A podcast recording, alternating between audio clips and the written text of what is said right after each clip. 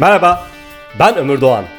Öğrenme öğrenme, yaratıcılık ve daha fazlası için bir ömürlük içerikler paylaştığım podcast yayınıma hoş geldiniz. Yeni bölüm başlıyor. Bir konuda ne kadar çok zihinsel çaba harcarsak o konuyu o kadar iyi öğreniyoruz. Ve bu yüzden öğrenme esnasında beynimizde ne kadar çok bölge aktif hale gelirse öğrenmeye çalıştığımız şeyi o kadar iyi öğreniyoruz. Beynimizde aynı anda en çok bölgeyi harekete geçiren şeyin hikayeler olduğunu biliyor muydunuz? O halde etkili ve kalıcı bir öğrenme için hikayelerin gücünden faydalanmalıyız. Peki öğrenmede hikayelerin gücünden nasıl faydalanabiliriz? Pek çok yolu var. Ve ben size bu videoda bunun iki tane basit ve etkili yolundan bahsedeceğim. Hazırsanız ben hazırım. Hadi başlayalım.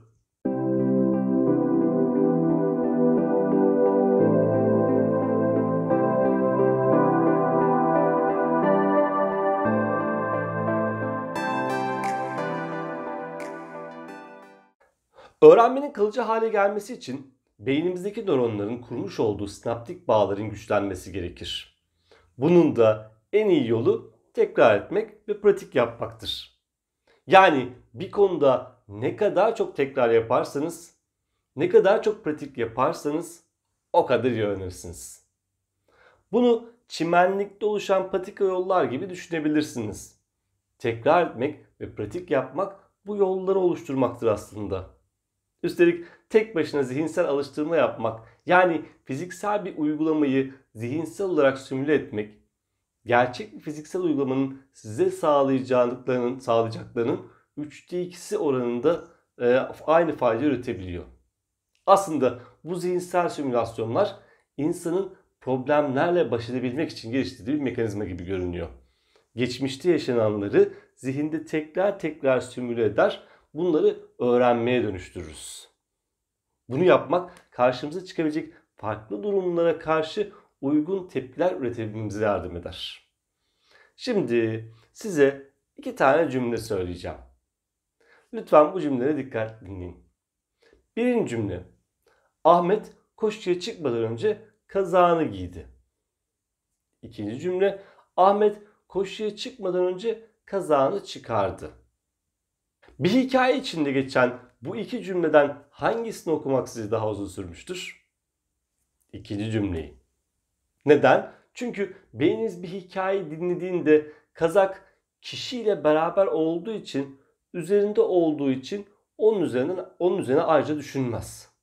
Ama ikinci cümlede Ahmet kaza çıkardığında ne yapmıştır? Bu cümleyi okuduğumuzda beynimiz sadece basit bir film gibi bu sahneyi canlandırmaz.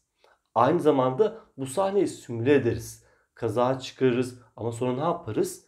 Hikayedekine benzer bir mekanda o kaza çıkardıktan sonra ne yaptığımız üzerine zihinsel bir faaliyet yürütürüz. Ahmet kaza çıkardı. Ne yapmış olabilir? Fırlatıp attı mı? Nerede çıkarttı? Yatak odasında mı çıkarttı? Çıkardıktan sonra ne yaptı? Kiri sepetine mi attı? Salondaki koltuğun üzerine mi attı? Bütün bunları simüle eder ve burada netleştikten sonra devam ederiz. Anlaşılacağı üzere bir şeyi öğrenmenin en iyi yollarından biri onu bir hikaye içinde öğrenmektir. Bunu da iki şekilde yapabilirsiniz. Ya o bilgiyi ya da bilgileri hikayeleştirirsiniz ve burada hayal gücünüzü çalıştırırsınız ya da o bilgiyi bildiğiniz bir hikayenin içine yerleştirirsiniz. Açıkçası ben her ikisini de tavsiye ediyorum. Hangisi kolayınıza geliyorsa ve öğrenmeye çalıştığınız konuda hangisi işlevselse. Ancak özellikle ikincisi için çevrenize farklı bir gözle bakarsanız çevrenizdeki hikayeleri görebilir hale gelirsiniz. Böylece pek çok hikaye toplayabilirsiniz. Ne kadar geniş bir hikaye repertuarınız varsa o kadar çok şeyi farklı hikayelerle ilişkilendirme olanağınız olur. Özellikle kurumlarda öğrenme süreci tasarımında şirket içinden çıkacak, çıkarılacak bu tür hikayeler e, veya da şirket içinde bu tür bir hikaye avcılığına çıkmak çok değerli. Bir sürü hikaye toplarsınız böylece. Diğer yandan herhangi bir bilgiyi hatta bazen bir alışveriş listesini bile hikayeleştirebiliriz. Mesela şimdi rastgele kelimeler sayacağım size ve bu kelimeleri bir hikaye haline getirmenizi isteyeceğim. Mesela kolonya, defter, kar küresi, kukla, hmm, beklenti, priz, merdiven. Sanırım şimdilik bu kadar yeterli. Sizden ricam önce bunları bu haliyle bir dakika içerisinde aklınızda tutmaya çalışın. Şimdi gelin bu kelimelerle bir hikaye yazmayı deneyelim. Hepimizin hayal gücü farklı çalışabilir. Ancak ben ilk baktığımda e, kar küreleriyle oynamayı seven bir kukla olduğunu gördüm. Ve bunun üzerine düşünmek istedim. Onun üzerine bir hikaye olabilir diye düşündüm.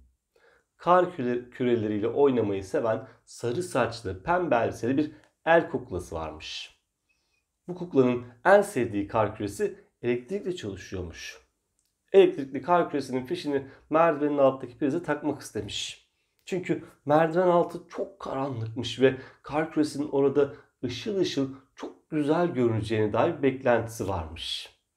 Heyecanla kar küresinin fişini prize takarken o da ne? Ağız açık kalan kolonya şişesi devrilmiş ve yandaki defterin sayfaları üzerine dökülmüş.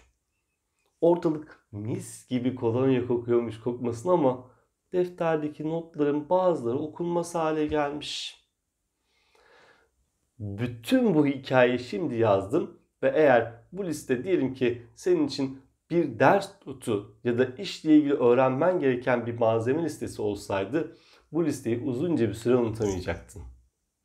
Çünkü hikaye bize zaman, mekan, tat, koku, dokunma gibi pek çok ayrıntı sunuyor. Hele de ortada kukla gibi bir karakter olduğunda karakterle dinleyici olarak bizim aramızdaki ayrım silikleşiyor.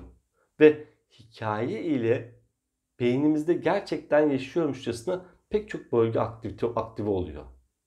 Bu da dolayısıyla etkili ve kalıcı bir öğrenme sağlıyor. O halde etkili bir öğrenme için hikayeleri kullanmanın pek çok yolundan ikisini biliyorsunuz artık. Daha fazlası için takipte kalın. B.